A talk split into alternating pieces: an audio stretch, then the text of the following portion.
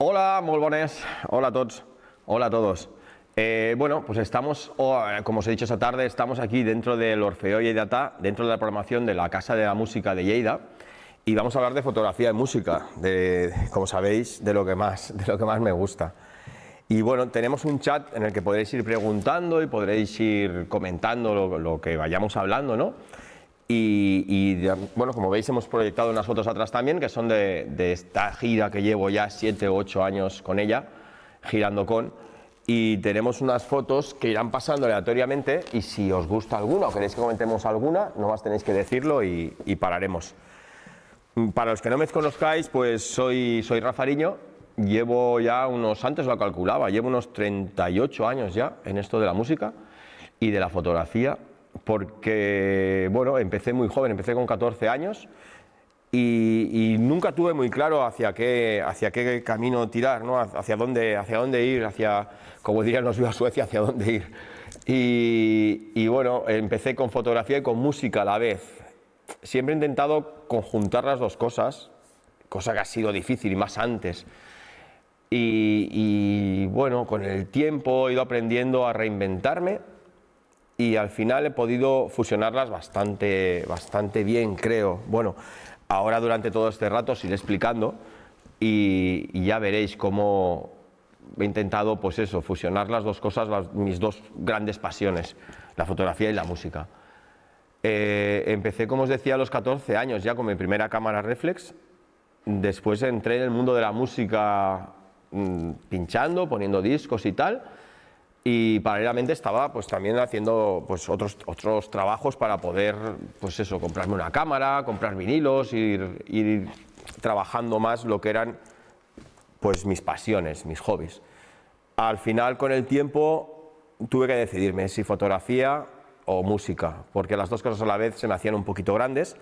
Me decanté por la, por la fotografía Estuve muchos años en prensa, como nueve años trabajando en el periódico local, el, diario Segre, y, allí es donde creo aprendí casi todos los conocimientos que tengo de, fotografía de la mano de, mi mentor y mi maestro Leo, es Leonard del SAMS, y desde aquí le doy un, besazo y un abrazo muy grande para él porque gracias a él, pues bueno, me metí en el mundo de la fotografía de lleno, no solo como trabajo, sino ya como, como manera de vivir y con el tiempo me faltaba algo, me faltaba la música también a mi lado. Entonces empecé a buscarle fórmulas para poder mm, conjuntar las dos cosas y, trabajar y vivir de ellas.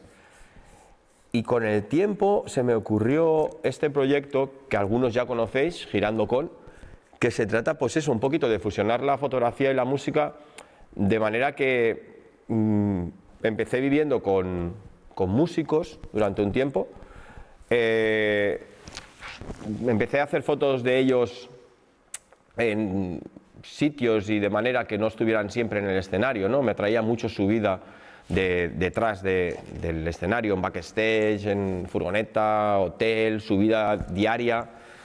Y, bueno, Dorian me dio la alternativa, me dijo que sí, que adelante, que probáramos. Y salió bien y de ahí empezó una, en cadena una, pues bueno, un montón de grupos, un montón de amigos que, durante estos años pues he ido labrando pues una amistad con ellos, ¿no? que, que ya pasa más allá del, trabajo y de la fotografía, ¿no? ya tenemos contacto diario. No sé, un poquito lo que, lo que os vengo a decir es que, que más ahora, más en los tiempos que, que, corren y tal, pues que no hay, ya sabéis que no hay conciertos, que, que tenemos el tema de la pandemia, que está todo bastante, bastante mal y, habrá que reinventarse, habrá que buscarse la vida. Lo que no tenemos que hacer es cerrarnos en banda y, renunciar a, lo que nos gusta, ¿no? a nuestros sueños. Mm, yo empecé a, trabajar con este tema como un hobby y ahora es mi profesión y es mi, y es mi vida, casi diría. Eh, nada, eh, os voy a dejar las fotos estas ahí atrás. Si queréis decirme alguna foto que os guste o si queréis comentar algo, pues tengo el chat abierto, me vais preguntando y iré contestando lo, que pueda. Si no decís nada, os pegaré el rollo y estaremos aquí un ratito hablando sobre fotografía y sobre música, ¿vale? yo como os iba diciendo, el proyecto este Girando con empezó de manera un poquito, un poquito así de, como de casualidad, ¿no? Como empiezan muchas cosas. Eh, me acuerdo que era una noche que estábamos en el FIP y al señor que tenía al lado le pedí fuego para encenderme un cigarro. Y me cayó muy bien, le conté una idea, un sueño que había tenido hacía días. Y le comenté que, me gustaría hacer fotos de, de las bandas pero desde dentro. Entonces él resultó ser Gerardo Cartón, antiguo también eh, manager y productor de muchos grupos, tenía un sello también muy grande aquí en España, que, bueno, tenía incluso dentro del sello a Sigur Ross, no sé si os gusta la banda Sigur Ross, pero en aquel momento también estaba llevando a, Dorian, ¿no? Y, le pareció bien mi idea y así a lo tonto me dijo, pues cuando bajen del escenario te los presento y les comentas tu idea y tal. Y así fue, bajaron del escenario, les comentamos la idea y, allí en el FIP ese año empezó todo. A partir de ahí el proyecto se ha convertido en un libro, que os lo he traído aquí también, se ha convertido en, una sesión foto DJ, que es otra manera que tengo de fusionar la música y las fotos. Y se me ocurrió pues de pinchar, de poner música mientras proyectaba las fotos detrás, como tenemos aquí ha ido llamando de varios festivales, de, varias fiestas y eventos y tal, y con esto también ahora mismo está funcionando. Mm, también a partir de ahí, después del libro, se me ocurrió hacer una exposición. Ya vamos por la segunda. La primera fue Girando con, esta de ahora se llama Besos y Abrazos. También si queréis luego comentamos de qué se trata y tal. Y sigue, sigue creciendo el proyecto. La idea es que, mm, pues intentar trabajar, si puedo, toda mi vida de, lo que más me gusta ahora mismo, si, todo sigue igual, porque es la fotografía, pero aparte fusionar todo lo que puedo con la música. Eso significa que renuncie a los, reportajes sociales, ¿no? Me, también hago reportaje social y también me gusta mucho hacerlos y tal, pero digamos que mi primera pasión es la fotografía y la música. Y la única manera que se me ocurrió de fusionarlo y de poder vivir de ello, pues fue esta. Fue cogiendo y, pinchando mientras proyectaba las fotos, así unía música y fotografía, haciendo fotos de grupos y de bandas y conociéndolas desde, desde dentro, ¿no?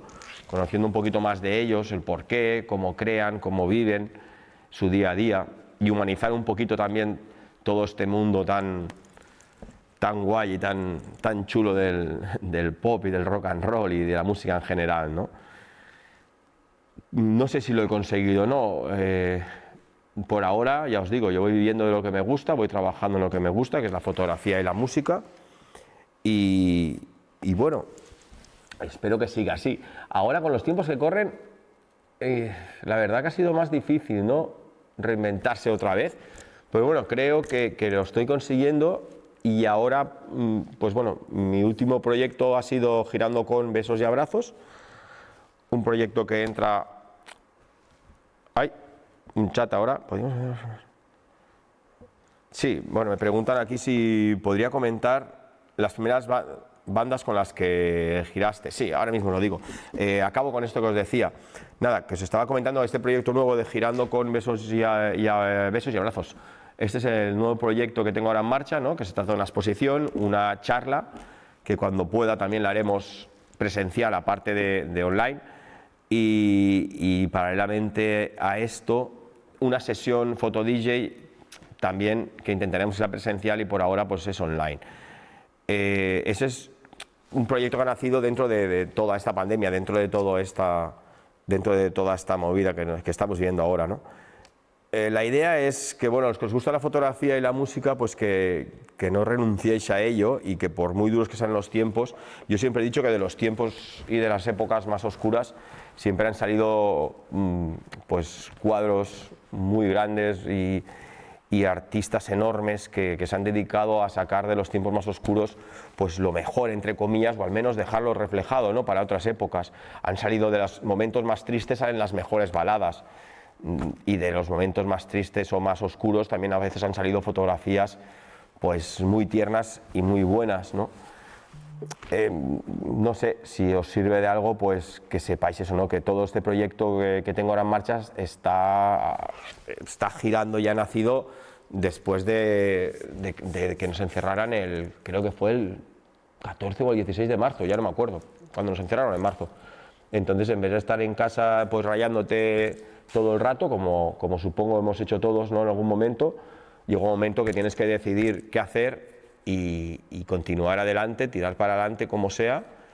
Y bueno, pues yo aposté por seguir adelante con la fotografía y con la música, que es lo que me gusta. A raíz de eso se hizo mucha difusión del proyecto este, se ha hecho mucha difusión del proyecto este y bueno, también ahora estoy trabajando muchísimo para televisión, ¿no? Con los compañeros de Movistar.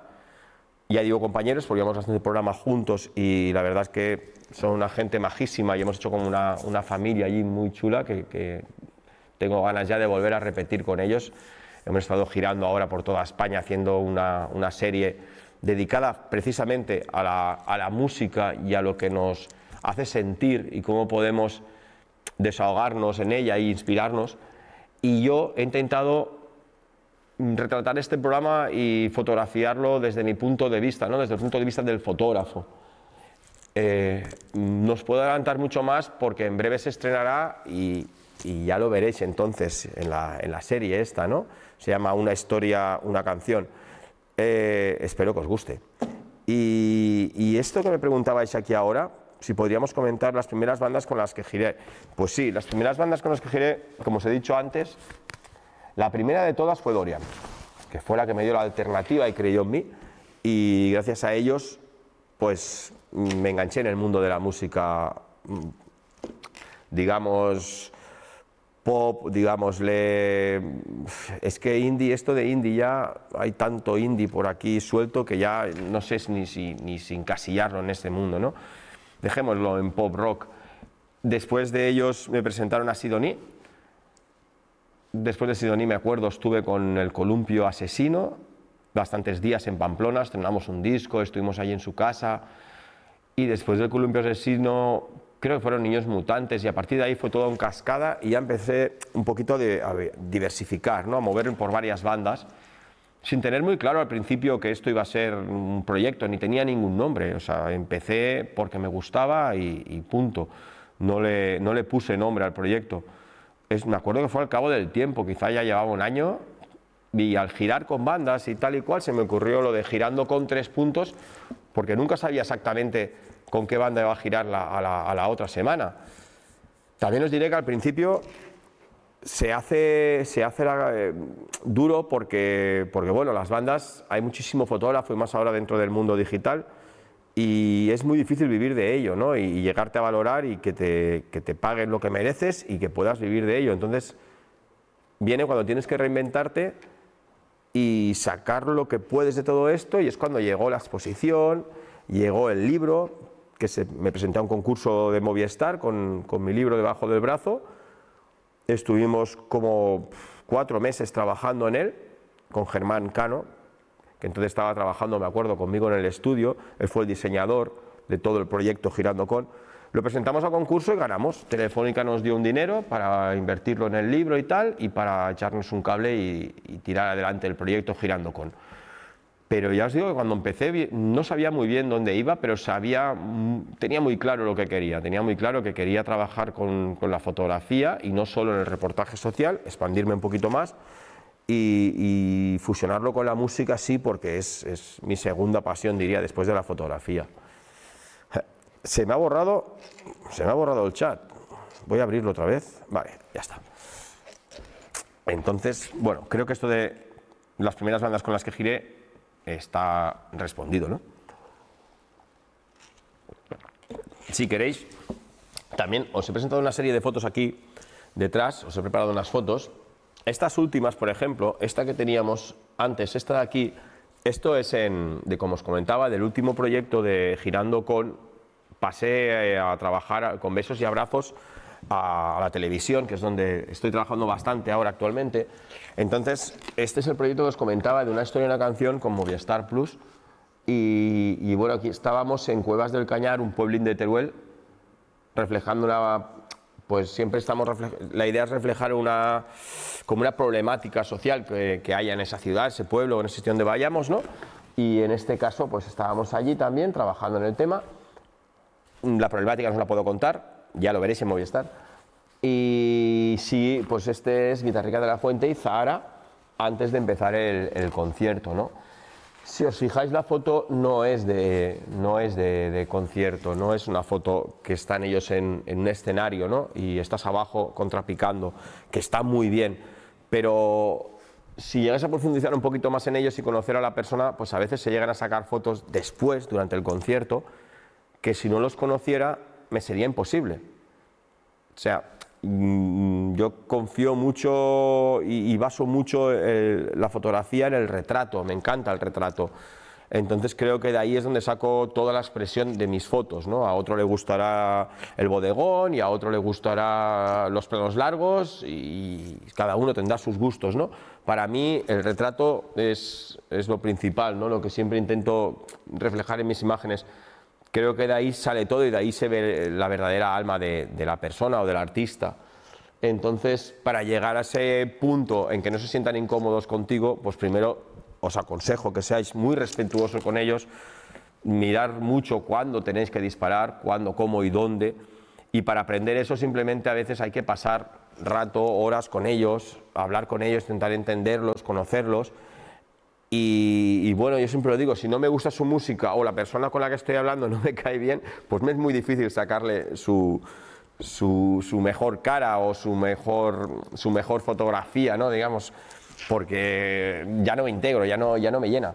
Entonces, por ejemplo, lo que os decía, en estas dos fotos pues se ve mucha, en esta foto, ¿no? si veis tanto Álvaro como, como Zahara, pues tenemos esa complicidad de, decir, podéis mirar aquí a la cámara como si esto fuera un agujero. Y ese nos da un juego que, que ya se rompe un poquito esa, ese, ese, rictus, ¿no? Es, eso de estar tan estáticos mirando a cámara que parece que te estés haciendo una foto de, de, carnet, ¿no? Ya es algo más divertido. Eh, un segundo, que leo otra, otro esto de chat. Vale, ¿prefieres fotos antes o después de un concierto? Vale, si prefiero fotos antes o después de un concierto. Pues la verdad es que me gustan las dos.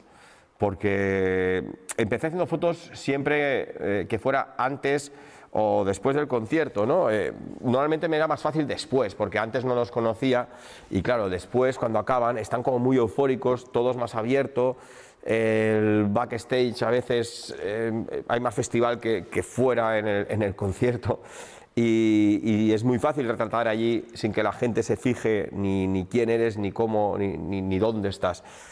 Entonces me era muy fácil. Pero la verdad que a medida que los he ido conociendo, también me, gusta mucho el, tema de, ir a, su ciudad o pueblo o incluso su casa, almorzar con ellos, comer con ellos y, conocerlos antes de llegar al concierto, viajar con ellos en la furgoneta, ver los problemas que hay antes de, montar todo el show y, vivirlo y convivirlo con ellos y sin olvidarme que soy fotógrafo y hagamos lo que hagamos siempre la cámara en la mano. Otro consejo que os doy es ese, ¿no? Justo cuando bajéis la cámara es cuando pasará por delante la mejor foto de vuestra vida. Eso está cantado. Mm, la cámara siempre tenerla cerca, siempre tener la mano porque a mí me lo enseñó, como os decía antes, Leo, que justo me acuerdo cuando estábamos haciendo cualquier tipo de, espectáculo, por ejemplo, estábamos, me acuerdo en Doctor Music Festival, ¿no? que estabas haciendo fotos todo el rato con la cámara allí, un 80-200-28, que los que lo tenéis sabéis que pesa lo suyo, o un 300-28, y justo bajabas para descansar los brazos cuando el artista le daba por hacer algo, ¿no? por tirarse al público, por escupir o porque se caía al suelo simplemente. Y era justo cuando tú acababas de bajar la cámara. O te relajas, estás con ellos ya, que ya, tienes esos lazos de amistad, que ya te relajas, ya no, ya no eres tan fotógrafo, eres más amigo que fotógrafo. Te relajas, estás comiendo, están jugando con la silla y uno va se cae para atrás y montamos un show en medio del restaurante que mucha gente que hay allí con el teléfono lo va a captar y tú, que estás con la cámara de fotos, no. Eso es porque ya te has relajado y ya estás pensando más como un amigo que como un fotógrafo, ¿no? El fotógrafo normalmente yo siempre aconsejo que tengáis la cámara muy cerca vuestro y, preparada siempre para disparar, con la velocidad preparada, velocidad alta si podéis, y así congelaréis más las imágenes y siempre preparados, siempre a puntos para, para disparar. Siempre estáis a tiempo de que si hacéis una foto que es muy incómoda o que no se puede después mm, ver, que, es, que no es una foto que se pueda publicar en redes ni eso, ¿no? Es muy fácil borrarla. Pero es más fácil borrarla si ya está hecha que no al revés. O sea, lo que es imposible es que si habéis hecho esa foto, o sea, si no habéis hecho esa foto, después digas, hostias, ¿podemos repetirla? No, hay momentos que son irrepetibles y si lo intentáis repetir normalmente no queda bien, eh, queda falso. Entonces, vale más, como me decían a mí en prensa, primero dispara y después pregunta, siempre desde el respeto y sabiendo cuándo tenéis que, disparar, por supuesto. A ver, un segundín también, que me dice Jordi si hay que tener... me dice Jordi si hay que tener mucha cara para hacer algunas fotos. Pues, pues hombre, un poco, un poco sí, pero siempre es lo que es lo que os decía antes, ¿no? Me repito, eh, desde el respeto. Se puede tener cara. Eh, tienes que, la verdad es que sí, tienes que tener un poco de cara, echarte un poco para adelante. Por ejemplo, cuando me he encontrado según qué, qué sitios algún guardia de seguridad o alguien que está en la puerta del backstage, o aunque lleves tu pase o lleves tu pulsera, no te deja entrar porque te ve con la cámara. Entonces no entiende que tu pulsera ponga artista o que tu pase ponga artista y vayas con cámara. Entonces, como eres fotógrafo, no te deja entrar. Tienes que echarle un poco de cara y, bueno, pues o contarle alguna historia o pasar cuando no te vea. Pero tú si realmente tienes tu pase de artista y tienes tu pulsera de artista, tienes derecho a estar en ese backstage o en esa zona privada y hay que echarle, en ese momento hay que echarle un poquito de, cara, ¿no? Mm, lo que no le echaría cara es en meterme en un backstage, por ejemplo, que me han dicho que no entre hasta mm, tal momento, ¿no? Por ejemplo, hay muchas bandas que se, se concentran, digamos, o se reúnen ellos solos, solos, sin manager, sin nadie, antes de salir al escenario, para poder, pues, un poco darse ánimos ellos mismos, motivarse y salir al escenario muy concentrados y como una piña. Entonces te dicen, hostia, por favor, mm, ¿nos podéis dejar solos en camerino cinco minutos antes de salir? Pues se sobreentiende que tú, aunque tengas tu pase de artista, te sales y, ya está. Si no quieren que salgas, te dirán, ¿dónde vas? No, no, tú no, Rafa, entra para adentro. Pero vale más pecar en ese punto de, yo, vamos, yo pecaría antes de prevenido y de y de tener ese respeto a la banda, ¿no? que vean que por mucho que te dejen entrar en sus vidas, siempre vas a tener ese respeto, vamos a tener esa distancia, que vamos a llegar hasta donde ellos quieren que, lleguen. Otra cosa ya cuando trabajas de paparazzi o te pagan para sacar fotos comprometidas, eso es otro tema. Pero no es el caso eh, en el que hemos venido a hablar hoy, ¿no? Hoy sería la música y la fotografía y, no los paparazzis, que también estuve un año trabajando en esto y tengo unas cuantas anécdotas curiosas para, para, contaros del tema paparazzis. La verdad es que lo dejé porque no me gustaba nada, era un mundo que al final me, me cansé y, no era lo mío, no era lo mío. Espera, tenemos otra pregunta. Ah, no, no es una pregunta, es Oscar que nos dice hola. Hola, Oscar. Podéis ir preguntando lo que, lo que queráis y yo iré respondiendo un poquito lo, lo que me dé la gana, como siempre digo.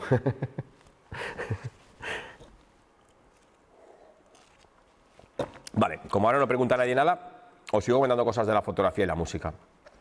Mucha gente a veces me, cuando me ve con la, con la cámara, ¿no? me hace mucha gracia porque a veces es, es un es una no sé, es una, no, sé cómo llamarle, no sé si es una costumbre o, o, es algo que no puedo que no puedo yo separar pero tengo por costumbre siempre cuando estoy fotografiando, ¿no? En conciertos y tal, que no puedo parar de bailar, porque realmente ya os he dicho que me gusta mucho hacer fotografías y trabajar con grupos que me gusten. De hecho, antes de ir al concierto me empapo muy bien su música para saber un poquito más sobre ellos y trabajar entonces más pues cuando va a haber un solo batería, cuando va a haber un solo de guitarra, cuando sé que va a haber un subidón y se van a venir arriba o se van a tirar al público, entonces me estoy bastante el disco. Pero una de las cosas que, eso, lo que os comentaba es que no puedo dejar, parar de bailar sin, cuando estoy en un concierto tal y, fotografiar, o sea, hago las cosas simultáneas, no, no, no sé estar totalmente estático, trabajar a velocidad lenta y disparar en un concierto. ¿Puedo hacerlo? Sí, pero nunca sacar esas fotos llenas de, alma o de, vida ¿no? que, intento que salgan porque no lo estaré sintiendo, no lo estaré viviendo. Entonces, si algo no lo siento, no os lo puedo transmitir. Eh, y es, es, curioso porque todo el mundo me pregunta, ¿cómo puedes disparar y bailar a la vez? Pero además no es mm, bailar moviendo un poco los pies. Los que me conocéis ya sabéis que a veces pues, me puedo poner a saltar o, a vivirlo tal como si estuviera eh, entre el público en el concierto. ¿no?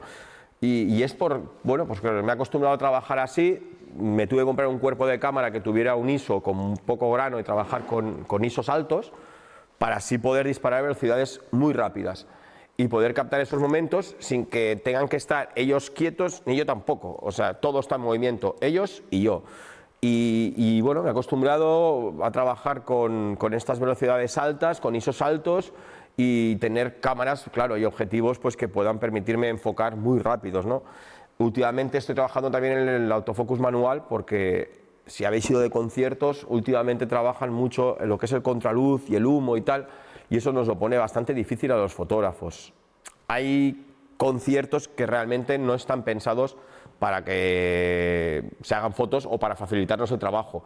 Entonces tienes que buscarte la vida y de alguna manera pues intentar salvar ese contraluz o intentar salvar ese montón de humo que a veces no se ven ni, los músicos porque bueno, el show así y les interesa más a ellos estar entre penumbras y que se vean las luces o los láseres que, que salgan las fotos buenas, ¿no?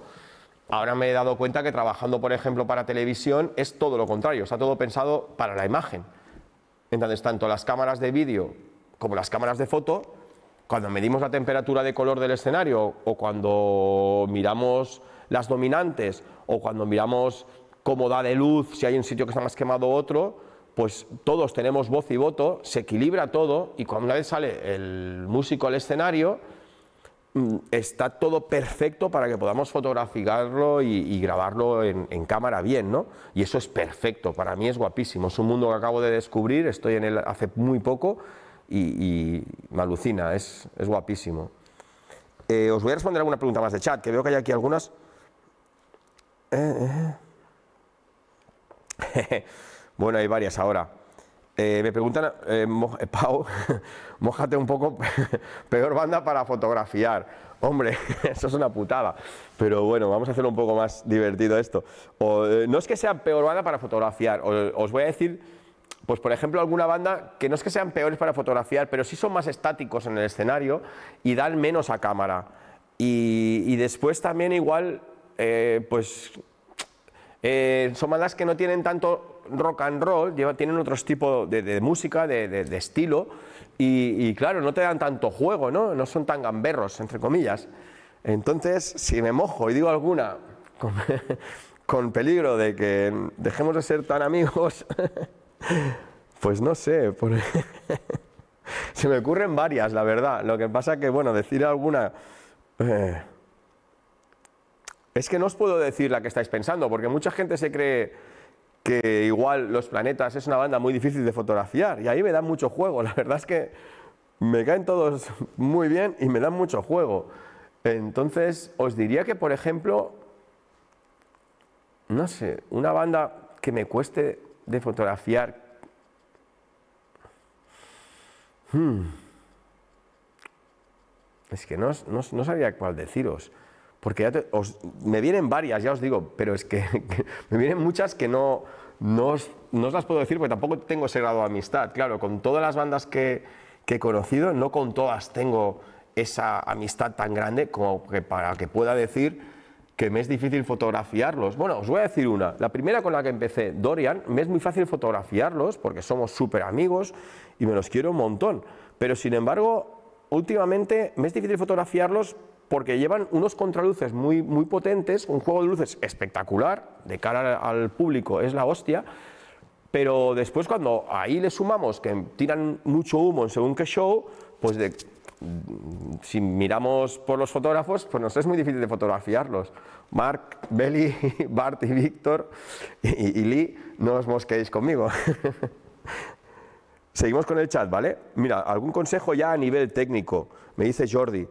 Sí, pues aconsejo, yo siempre trabajaría con velocidades altas. Si podéis, si tenéis opción de compraros cuerpos de cámara que tengan ISOs con poco ruido, un ISO alto con poco ruido, pues yo os aconsejaría que, que, ese, compréis ese cuerpo, ¿no? Si no podéis tener tanto dinero para comprar una buena óptica, pues compraros una óptica que sea un pelín más oscura, un 5 o 6 si hace falta, pero una cámara que tenga un ISO mínimo 1500, 2000 con grano fino sí que es aconsejable para que podáis disparar con velocidades altas. Como os digo, la mayoría de cosas para mí bonitas y espectaculares que pasan en, un escenario, sobre todo en un escenario, pasan muy rápidas.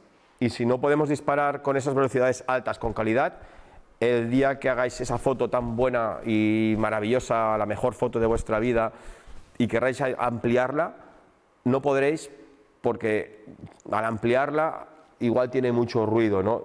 Ah, no todas las cámaras sirven para hacer eh, lo que es fotografía de conciertos, sobre todo conciertos, escenario, ¿no? Estoy hablando de, escenario ahora, no de backstage ni de, ni de furgoneta ni nada de eso.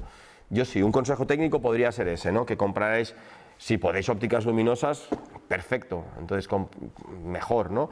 Pero sobre todo el ISO es súper importantísimo. Cuando vayáis a comprar una cámara, yo haría mil pruebas y antes de, comprarla. Mm, os diría marcas, pero también no sé si mojarme mucho y deciros que es mejor para mí. Yo soy de Nikon de toda la vida, pero nunca os podría decir que Nikon es mejor que Canon, porque he trabajado también con Canon y es espectacular el grano que tiene creo que incluso liso mm, en, cámaras de, aficionado o, más baratillas, de 1000 euros para abajo, el ISO es mejor de Canon que, el de Nikon para mí. Eh, sin embargo, cuando empezamos a trabajar con gama alta ya, a partir de cámaras ya de 2000 euros para arriba, pues equivalen, eh, se, equiparan bastante, ¿no? Yo creo que ya ahí llega un momento que, ya no distinguiríamos si es Nikon o Canon, pero trabajando con, cámaras más bien baratas, cámaras de 500 euros, 600, 700, eh, Canon nos daría más ISO con menos dinero. Sony ahora está en el mercado que es buenísima, hay varias marcas que, que están rompiendo ahora. Mm, no me mojo más con el tema cámaras, que no hay ninguna que me sponsorice por ahora. Seguimos con el chat, ¿vale? Ahora preguntan también el mejor festival nacional. Joder, también sería difícil de, responder porque me tendré que mojar. Creo que es un indiscutible ¿no? que hubo un antes y un después eh, a partir de Sonorama. Sonorama en Aranda de Duero ¿no? fue para mí el primer festival que apostó de verdad por los grupos nacionales, primer festival a lo grande, ¿eh? que apostó por los grupos nacionales. Mejor festival nacional, es que cada uno tiene lo suyo. Por ejemplo, yo estoy enamoradísimo de Estaciones Sonoras, un festival que lo tenemos relativamente cerca de los que vivimos aquí en, Lérida, Zaragoza, alrededores. Tenemos Pamplona, tenemos un festival muy cerca en, Cascante que yo estoy enamorado de él. Es un festival de formato pequeño, pero que cuida muchísimo el detalle, cuida muchísimo al artista y tienen un gusto muy exquisito en escoger los grupos. Aparte de lo bueno, es que no tenemos que esperar un año a que haya el festival, lo hacen cuatro veces al año, lo hacen cada vez que cambian de estación, por eso se llama estaciones sonoras, ¿no? Eh, sería para mí pues un festival de formato pequeño que de los que yo conozco, si no el mejor, uno de los mejores. También tenemos después el Festival Mediterráneo en Valencia, que también me gusta mucho porque es muy humano el trato que tiene. Anteriormente fue, también estaba el Sansan Festival, ahora la última vez que fue Benicassin me encantó también, se ha cambiado de recinto. Es que hay tantísimos, Granada Sound es espectacular, hay muchísimos festivales. Tenemos suerte en España de tener tantos festivales y que nos cuiden la mayoría también a, lo que es al menos la gente de mi gremio, ¿no? a fotógrafos, cámaras y tal. Mm. Muchísimas ganas, lo que tengo son muchísimas ganas de volver a girar y a ir a festivales, la verdad. Y desde aquí un fuerte abrazo a todos y, ánimo porque sé que lo están pasando muy, muy mal y va a ser muy difícil que se mantengan. Entonces, un fuerte abrazo y ánimo. Seguimos con el chat. Aquí pone Uri que se nota cuando una banda lleva su propio técnico de luces. Sí, se nota muchísimo, Uri. Eh, hola, Uri. se nota muchísimo. Eh, además, nosotros también lo notamos muchísimo porque cuando lleva su propio técnico normalmente ya hemos girado varias veces con él, hay algún momento que nos acercamos a la, mesa y, lo hablamos, ¿no? Entonces le podemos decir, hostia, ponme un, un, poco más de cegadoras o quítame un poco de contraluz, aunque sea un momento, ¿no? Para que pueda tirar este plano desde atrás. Eh, toda esta, esta confianza y, y, ese buen rollo que tenemos es ya porque hemos concedido muchos conciertos. Aparte, ya en plan técnico, si se nota mucho, pues yo creo que sí, yo, lo, yo al menos lo noto, porque ya lo que me pasa a mí, al conocer tanto a la banda, pues llega un momento que ya sabes cuándo uno necesita más luz, cuándo se encuentra más cómodo en penumbra, cuándo necesita la banda que les den un, poquito de, no sé, de vidilla, porque todos los conciertos son diferentes y a veces puede llegar la banda cansada, tocado dos, tres bolos seguidos, eh, las luces hacen muchísimo. Y hay momentos que igual están un poquito de bajón y desde las luces se les da un empujón y les animamos a, bueno, les animan, porque son ellos los que lo hacen, les animan a que, a que, a que se vengan arriba, ¿no? Y viniéndose arriba la banda, se viene arriba al público y todo eso es un feedback ya que, que va en cadena, ¿no? Entonces yo creo que sí, que se nota bastante cuando, cuando un técnico de luces va de gira ya con la, con la banda, ¿no? cuando llevan su propio técnico de luces. Oscar me pregunta cómo crees que la fotografía puede ayudar a los músicos que quieren dar el salto del mundo amateur al mundo profesional. Bueno, yo creo que muchísimo, muchísimo. De hecho, últimamente me estoy encontrando mucho que me llegan mensajes privados de Instagram de muchas bandas que están empezando, lo cual os doy las gracias porque para mí es un privilegio y siempre desde mi, desde mi humilde opinión me piden mi opinión y mi apoyo y mi ayuda como para promocionarlos, ¿no? Porque, bueno, pues mm, si os fijáis, los que me seguís un poco, no solo pongo fotos y trabajo con gente que, que están arriba, ¿no? Estoy trabajando con mucha gente que están empezando y, y incluso son ellos que me envían sus maquetas antes de sacar los discos y le piden consejo. Y eso a mí, como diría alguien, me llena de orgullo y satisfacción. o sea que me gusta muchísimo. ¿Y cómo podemos ayudarles? Les estamos ayudando. Pues eso, echándoles un cable, haciéndoles buenos precios, o incluso a veces llegando a un, a un change, llegando a algún trueque ¿no? con ellos de cambiar, pues yo qué sé, sus derechos de imagen de estas fotos por una sesión de fotos cuando están empezando, ya que el presupuesto es bajísimo cuando empiezan, y, contándoles cosas de tus vivencias que si ya llevas años con otros músicos, cosas que les pueden ayudar. Y a mí, ya os digo, me encanta empezar con una banda cuando está abajo y ver cómo va creciendo, porque un poquito me siento también pues parte de esa, de esa banda, de esa familia, ¿no? Y, la verdad es que, que, te llena muchísimo eso. Eh, nos ayudamos recíprocamente, ¿no? Es, muy chulo, la verdad es que, sí. Os diría bandas, por ejemplo, de las últimas maquetas que me han llegado eh, y me llegó mm, no directa de la banda, sino a través de una bloguera muy amiga mía, Inés, me llegó, eh, un, me llegó un mensaje ¿no? que escuchara un grupo llamado Ar de Bogotá, desde aquí un beso para ellos también, acaban de sacar nuevo disco hace nada y tenían, pues esos, no tenían ni, ni, ni, el álbum aún, eran seis discos, que, seis canciones que tenían allí y tal, y me lo pasó para que lo escuchara, luego me puse en contacto con ellos, una gente bajísima, les veo un futuro de la hostia, y, como ellos, pues bueno, eh, me acuerdo precisamente ayer, también otra, otra banda desde Gerona, que también enviaron una maqueta de, un proyecto que están haciendo de, música, cantando sobre otras bandas. Mm, y sin ir más lejos, por ejemplo, Viva Suecia también lo descubrí gracias a, Laura y, me dijo, escucha este grupo. Y yo en principio, mm, pues no me hacía gracia el nombre, la verdad, no, sabía ni quién eran. Bueno, de hecho pensaba que, era una, una, cantante de Eurovisión o algo así. Y, y, bueno, pues al final mm, me convenció, fui a Sonorama, me acuerdo, quedamos con ellos y tal. Y desde entonces creo que hace ya seis años debe hacer que somos íntimos amigos mm, y, su música, pues bueno, será porque les tengo tanto cariño y tanta amistad que, que, que, las sigo siempre, me encanta y de hecho estoy incluso estudiando guitarra y aprendiéndome alguna canción de ellos. Y, igual que, que, soy un fan de, de, grupos consagrados como Planetas, Lori Meyers o, o en su tiempo, no sé, 091, pues también me gusta mucho conocer a las bandas emergentes, seguirlas y ayudarles con mis fotografías a, difundirles pues a ellos y a su música, a ellos como personas, como personajes, como artistas y a su música, ¿no? Hmm, yo creo que podemos ayudarles pues de esta manera, ¿no? Echándoles un cable, enrollándonos con ellos y si os gusta, publicitándolo en vuestras redes sociales y tal, llegando siempre pues, a un acuerdo con ellos y, ya está. Luego cuando crezcan y se hagan mayores y, les fichen grandes compañías, tengan un gran presupuesto, pues entonces empecemos a valorar nuestro trabajo, empezar a cobrar por cada fotograma.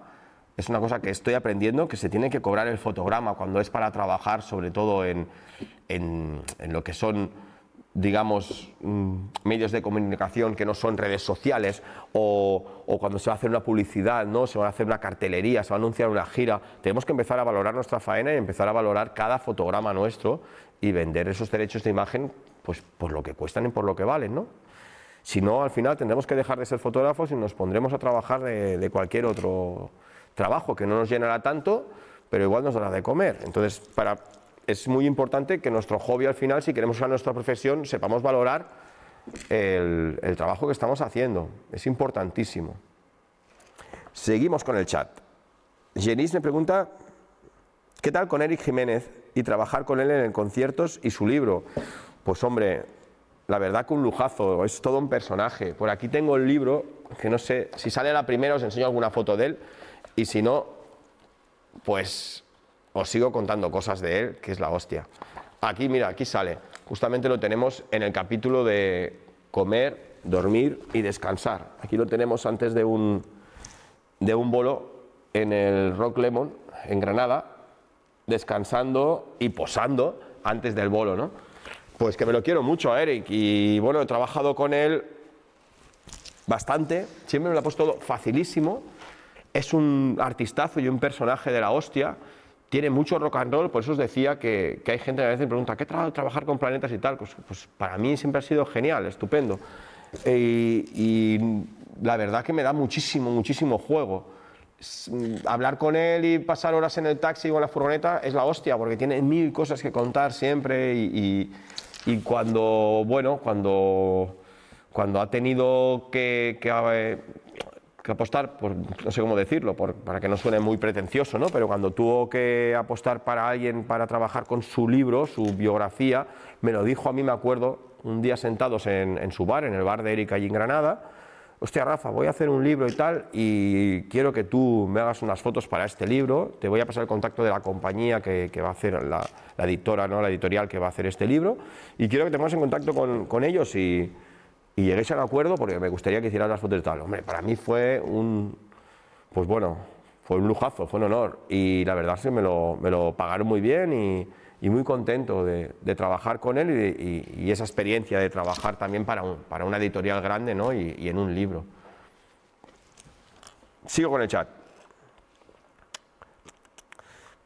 De Lleida, ¿qué banda te gustaría retratar? Hombre, de Lleida, ¿qué banda me gustaría tratar? Yo creo que las he tratado bastante, bastante, no, no a todas, evidentemente, claro, porque hay muchísimas, pero que me gustaría tratar ahora mismo, yo creo que Ronaldo y Clara ya les hice fotos una vez y, y ahora, bueno, pues por circunstancias de la vida vuelvo a tener contacto con Víctor, nos hemos conocido más y es lo que os decía antes, para mí es muy importante cuando tengo que hacer fotos a alguien que me contrata, es una cosa, entonces me lo tomo más, pues es un trabajo, yo haré por conocer su música y a la persona, me involucraré y lo haré todo lo mejor que sé. Pero ya cuando soy yo el que escojo a la banda porque lo quiero en mi proyecto, ¿no?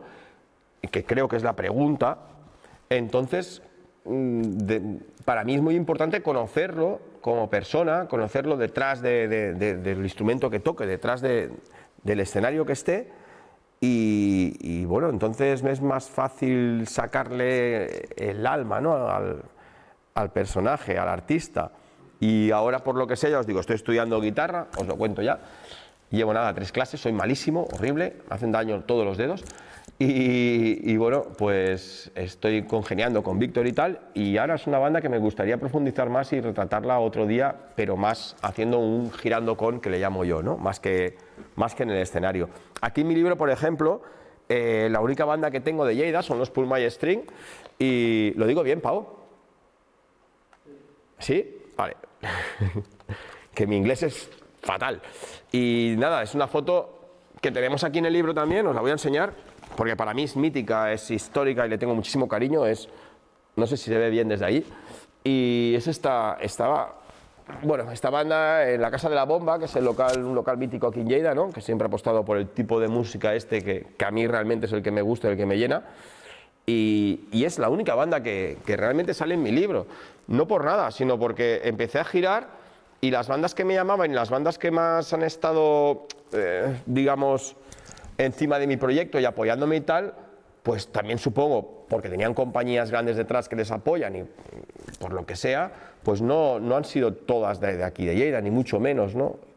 Entonces, siempre pues me ha dado igual irme a Granada que irme a Vigo a hacer las fotos, o sea, siempre me he movido bastante por lo que he sentido yo por esta gente o por esta música y evidentemente siempre llegando a un acuerdo, ¿no? Y, y nada, pues lo que os digo, eh, creo que sería una banda que ahora, como he llegado a profundizar tanto y a conocerla tanto, pues me gustaría hacer unas fotos más rollo girando con, irnos un fin de semana de gira y hacer unas fotos a ver qué sale. Desde antes de llegar al escenario hasta cuando acaba el concierto y nos vamos después a relajarnos y tomar unas copas, que sí pasa, y, y muy contento de que pase, porque la verdad es que mm, cuando estamos hasta que no ha pasado el concierto, cuando estamos allí es una tensión que, aunque lo estemos disfrutando, eh, sales después, cuando acaba el concierto, como un poquito con el subidón, ¿no? lleno de adrenalina y cargado y tal. Llevamos horas, porque a veces venimos desde, por ejemplo, me acuerdo de un concierto que hemos ido desde Granada hasta Pamplona, son un montón de kilómetros, ¿no? O desde Lleida, me han pasado a buscar por Lleida, me acuerdo niños mutantes, y también nos fuimos lejísimos, fuimos a Valladolid, donde fuimos. Entonces, son muchos kilómetros, mucha tensión acumulada. Cuando acaba el concierto, pues sin dejar nunca la cámara, nos vamos a tomar algo por ahí, a relajarnos, cuando se podía, ahora no se puede. Y, y, ahí siguen saliendo a veces fotos muy interesantes. Me acuerdo de, de, unas fotos también, no sé si hay alguna por aquí, de pasar por el hotel a, cambiarse de ropa, porque la ropa está sola y tal, y hacer algunas fotos muy chulas tumbados en la cama, todos reventados y tal. Y después, como no, también me estiro yo, me tomo una cerveza y me relajo también un rato. Claro que sí. También hay veces que coge el músico la cámara y tengo fotos muy chulas que me han hecho ellos, ellos a mí, ¿no? Sigo con el chat. Mira, Fernando, saludos desde Zaragoza, fan de tu trabajo, aparte de la música, ¿te dedicas también a artes escénicas? Hola Fernando, pues gracias por estar ahí. Pues no, ahora mismo no, ya os digo, me dedico a, al reportaje social y a la música. Artes escénicas ahora mismo no estoy haciéndolo, pero sí estuve un tiempo cuando trabajaba en prensa que sí, que tuve la suerte de poder hacer bastantes fotos dentro de, del mundo del espectáculo, del teatro, de, de, tal. Y estuve, bueno, estuve en varias obras de teatro, varias, me acuerdo, he hecho tres o cuatro actuaciones del Circo del Sol desde, desde abajo, ¿no? Y, y, y, algún circo también, me acuerdo que fue ay, el Circo de los Horrores, creo que fue, que además pude acceder a camerinos también y entrar dentro con ellos y tal. O sea, el mundo del, del teatro y las artes escénicas y tal, la verdad que es acojonante, me, gustó muchísimo. Pero mmm, sigo diciendo que lo mío es la música. Entonces, me encanta, me gustó muchísimo, pero como para dedicarme en cuerpo y alma solo a eso, no.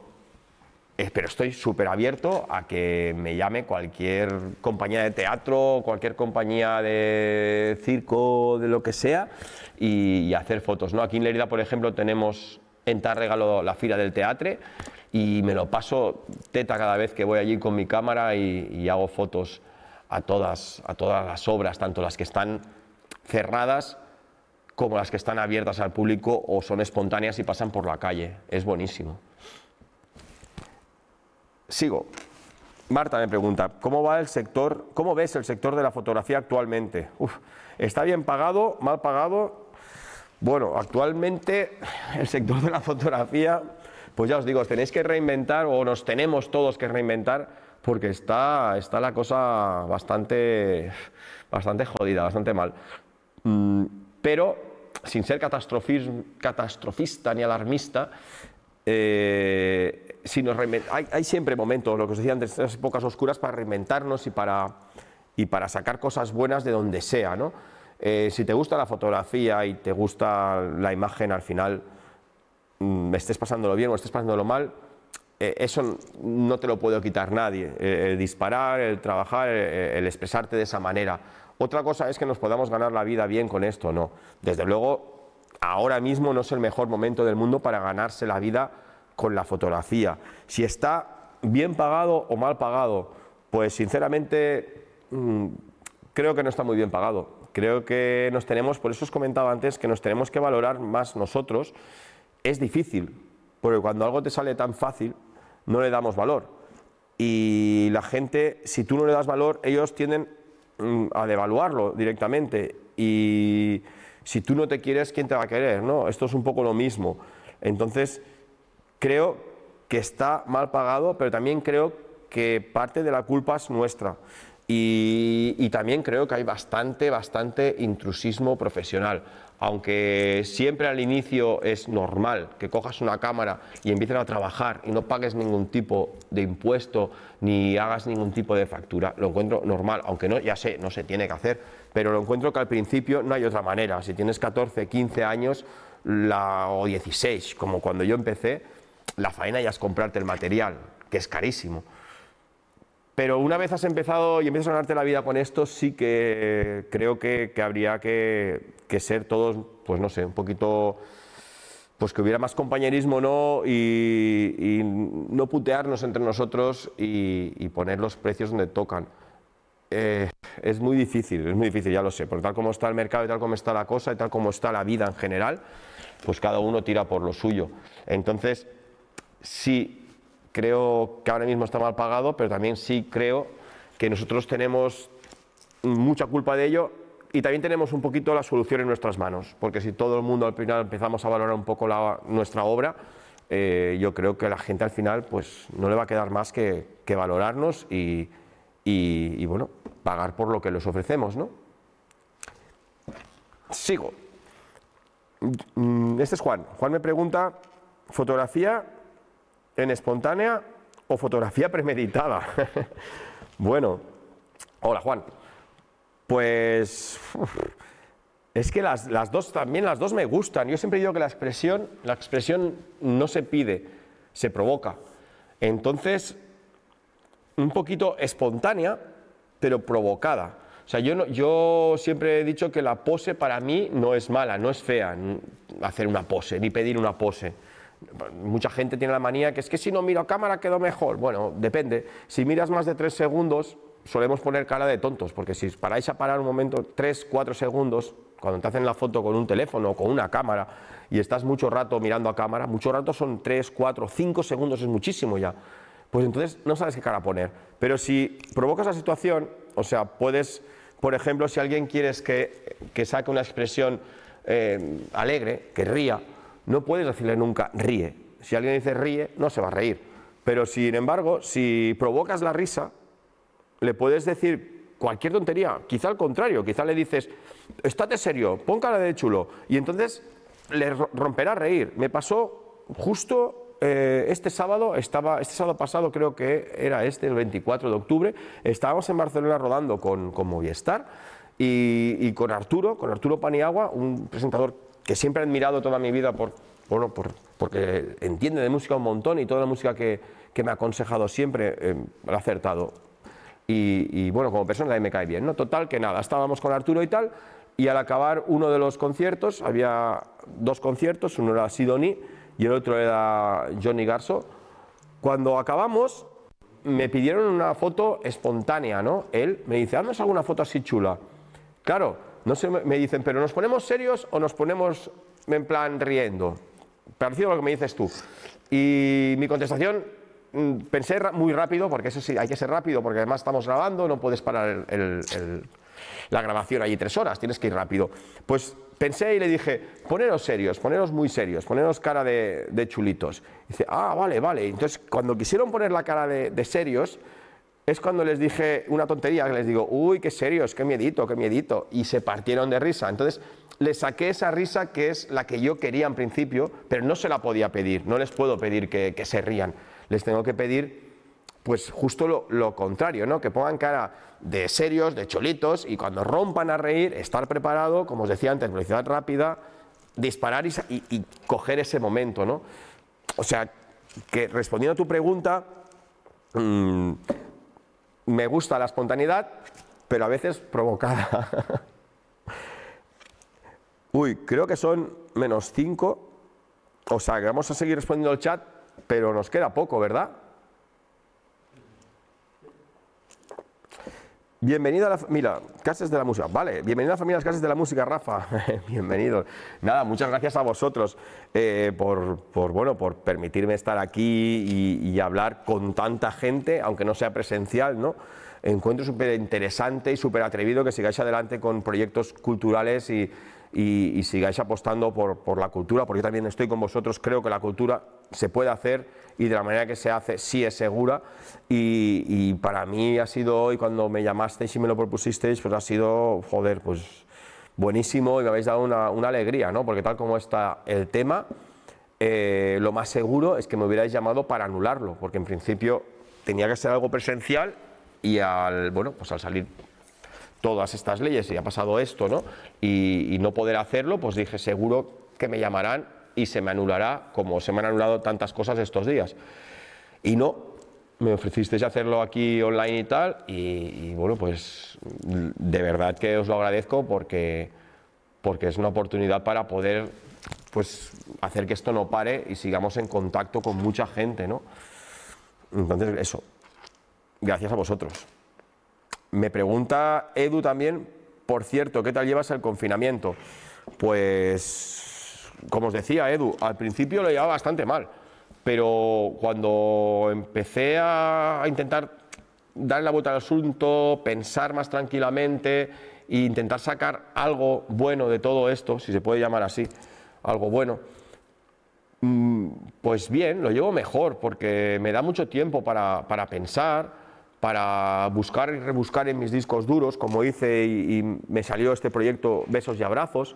A través de Besos y Abrazos me hicieron un anuncio, bueno, me salió una noticia, más que un anuncio, una noticia en televisión española, en el telediario de la 1, y a través de ahí, eh, pues ya se pusieron en contacto conmigo Movistar, hicimos muy buenas migas y me ofrecieron trabajo y estoy trabajando con ellos. O sea, eso mm, antes de, de, lo que fue la pandemia y tal era impensable porque quizá iba a tal velocidad todo que nunca me paré a pensar que podía cambiar ahora mismo de, trabajo ni, ni, de lo que estaba haciendo, porque estaba tan enchufadísimo con los festivales, con los conciertos, las bodas, bautizos y comuniones, reportaje social en general, que también hago, cómo no, que, que claro, no, no no me paraba un segundo a pensar todo lo que había hecho anteriormente y preparar algo nuevo. Entonces me lo he tomado pues como un retiro, ¿no? como un momento para, para pensar en ti y sobre todo aprovechar estos momentos que baja la curva, que parece que esto va a ser, creo yo, va a ser así durante un tiempo,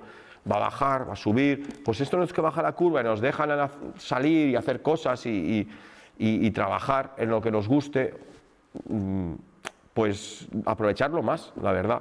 Entonces es un momento como de reflexión, ojalá no hubiera pasado nunca, ¿no? porque nadie desea que hubiera pasado esta pandemia, pero ya que estamos ahí, pues habrá que sacar partido de ella y habrá que reflexionar y pensar sobre todo en cuando salgamos de ella ser un poquito mejores, no ya como profesionales ni fotógrafos nada, sino como personas, ¿no? Yo creo que ya habría que salir como de todo esto reforzados como ser humano.